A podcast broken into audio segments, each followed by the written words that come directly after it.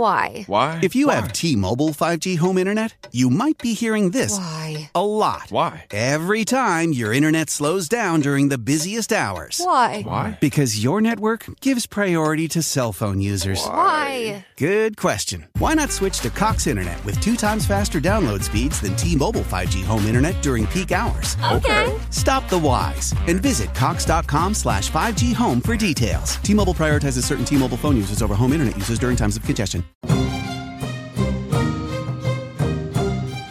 Rüzgarlı bir Alaçatı'dan merhaba.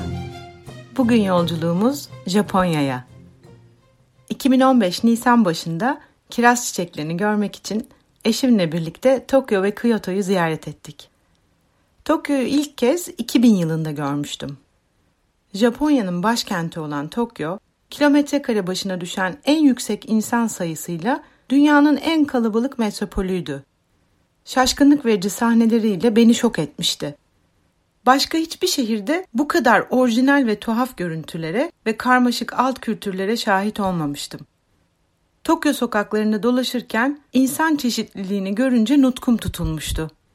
Zaman zaman kıyafet balosunda, zaman zaman da tuhaf ve ürkütücü bir film sahnesinde gibi hissetmiştim. Bir metrodan diğerine bir elinde çanta, diğer elinde telefonla koşan insanlar, bembeyaz eldivenleriyle direksiyon tutan taksi şoförleri, siyah gotik bluzlardan cart pembe ve kavun içi tişörtlere bürünmüş, saçları şekil şekil, suratları da rengarenk boyalı gençler.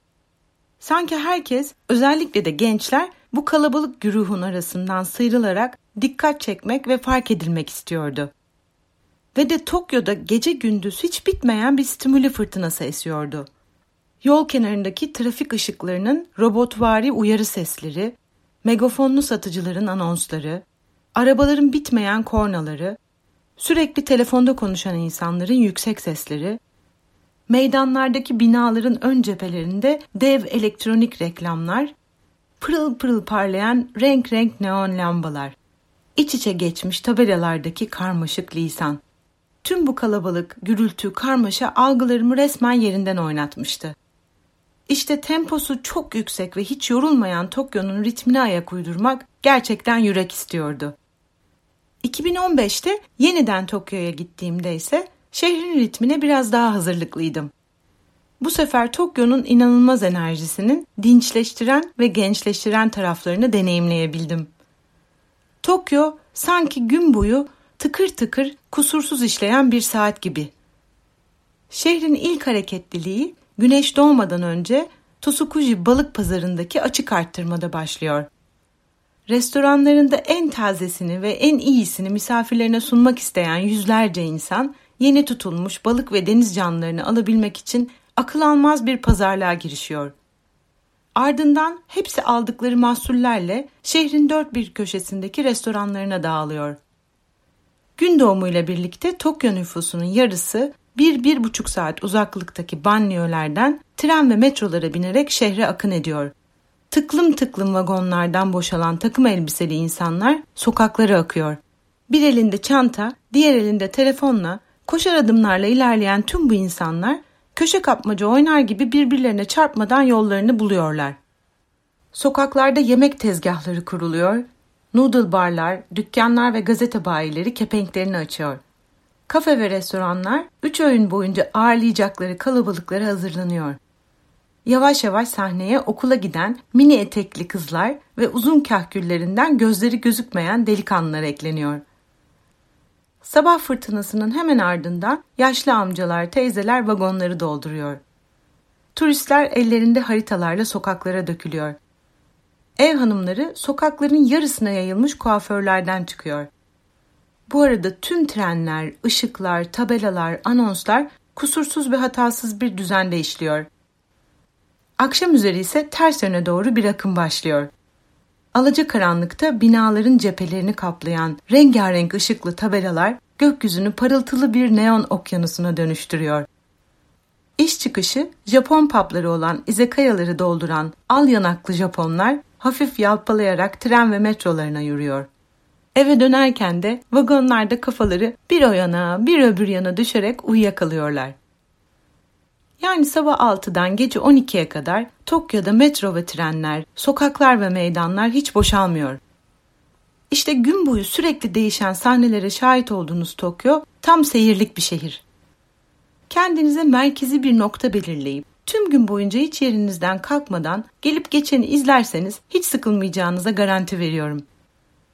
Hatta şehrin ruhunu yakalamak, akıl almaz tarz çeşitliliğini anlamak için belki de en doğru hareket gözlemci olmak. Tabii ki bu geniş yelpazede her semtin ayrı bir hikayesi, farklı bir kalabalığı var.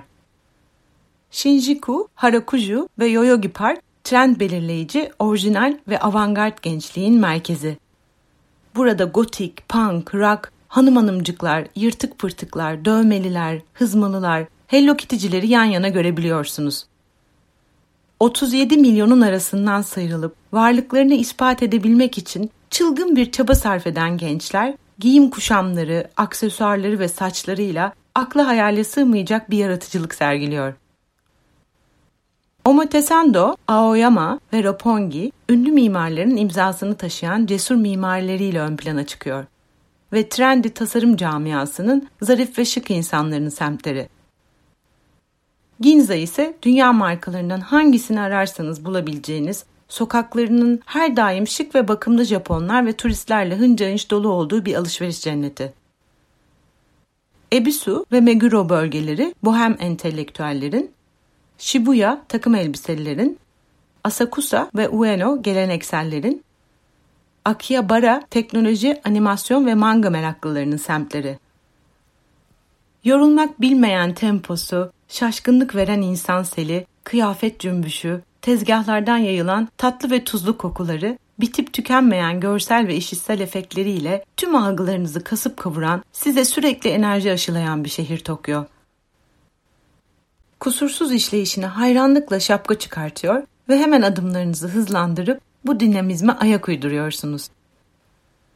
İlk gidişimde Tokyo kalabalığı, hareketliliği, koşuşturması, lisan, lezzet ve gelenek farklılığıyla beni çok yormuştu. Neyle karşılaşacağımı bilebilmek için ziyaret etmeden önce keşke böyle bir podcast dinlemiş olsaydım diyorum. Çünkü ikinci gidişimde Tokyo beni yormak yerine aksine dinçleştiren ve canlandıran bir enerji kattı. Bu sefer anlamadığım tabelalar, sürekli konuşan sokak lambaları, otobüs ve metro hoparlörleri beni çıldırtmak yerine sürükleyici bir performansın parçası gibi hissettirdi. Yaşı kaç olursa olsun gencecik gösteren insanlarından mı, yediğimiz sağlıklı çiğ besinlerinden mi, kamu alanları dahil her yerin pırıl pırıl temiz olmasından mı bilemiyorum ama yaşadığım stimüli fırtınasına rağmen kendimi çok iyi hissettim bu sefer Tokyo'da. Bu arada temizlik demişken gerçekten hastalık derecesinde titiz Japonlar. Umumi tuvaletler dahil girdiğiniz her tuvaletin Totto klozetinde ısıtma ve püskürtme gibi özellikler var. Taksiler bembeyaz dantel örtülerle kaplanmış ve kapıları elinizle açmak zorunda kalmayın diye otomatik olarak açılıyor. Şoförler de bembeyaz eldivenlerle direksiyon tutuyor. Her restoran sizi mutlaka bir ıslak peçeteyle karşılıyor nüfusun yarısı yüz maskesiyle dolaşıyor. Temizlik ve hijyen konusuna neden bu kadar önem ve hassasiyet gösterildiğini tanıdığımız bir Japon büyüğümüze sorduk. O da Japonların ülkeyi dışarıdan gelebilecek virüslere karşı korumaya çalışan ada psikolojisi yüzünden böyle tedbirli olduğunu söylemişti. Japonya'nın çok eskiden beri uyguladığı hijyen ve maske tedbirlerinin önemini yaşadığımız pandemi döneminde ne kadar daha iyi anladık bizler de. Peki Tokyo'yu ziyaret etmek için en doğru zaman ne zaman diye sorarsanız size Sakura ve Koyo zamanı derim. Mart sonu ve Nisan başında Sakura yani kiraz çiçekleri zamanı Japonya gerçekten büyüleyici manzaralar sunuyor. Tokyo ve Kyoto'nun parkları, bahçeleri, nehir kenarları ve tapınaklarında dizi dizi sıralanmış kiraz ağaçlarının büründüğü bembeyaz, uçuk pembe ve fuşya renkli çiçekleri insanı göz kamaştırıcı bir dünyaya taşıyor. Çiçeklerle bezenmiş ağaçların altında yürürken tepenizde dantel gibi işlenmiş çiçekten bir gökyüzü varmış gibi hissediyorsunuz. Kapalı havalarda bile fosforlu parlayan çiçekler içinizi aydınlık hissiyle dolduruyor. uçuk pembe ve bembeyaz çiçekler ışıldayarak uçuşuyor ve toprağa konuyor. Rüzgarla tane tane uçuşan çiçek yaprakları sanki baharda kar yağıyormuş gibi içinize çocuksu bir coşku yayıyor. Tokyo'lular kendilerini bahçeler ve parklara atıp çiçek açmış kiraz ağaçlarının altında hanami piknikleri yapıyor. Tokyo'da ve Kyoto'da benzer bir kartpostal görüntüsüne Kasım ortası ve Aralık başında ak ağaçların yapraklarının kızararak farklı renklere büründüğü Koyo döneminde şahit olabiliyorsunuz. Kızıl, sarı, turuncu, yeşil renkleriyle uçuşan yapraklar adeta bir renk senfonisi yaşatıyor Koyo döneminde. Tokyo ve Kyoto'daki görülmeye değer semtleri, tapınak ve sarayları, restoran, kafe ve kaiseki evlerini, konaklama önerilerimi, Sakura ve Koyo zamanı için en güzel renk cümbüşü sahneleri sunan ziyaret edilecek noktaları öğrenmek için yolculukterapisi.com web sitemdeki Tokyo ve Kyoto yazılarıma bir göz atabilirsiniz. Japonların kitsugi kavramı ile podcast'imi tamamlamak istedim. Kitsugi, seramiklerdeki kırıkları, çatlakları, kusurları ve izleri gizlemek yerine onları daha değerli bir malzeme ile vurgulayacak şekilde onarmak anlamına geliyor. Aslında bir yandan da yaşamda hatalarımız, acılarımız, kırgınlıklarımız ve tüm deneyimlerimizin bizi daha değerli kıldığını ifade ediyor Kitsugi. İşte Kitsugi inanışındaki gibi kırıklarımızın ve kusurlarımızın bize yeni görme ve düşünme biçimleri ve dönüşüm imkanları kazandırması dileklerimle.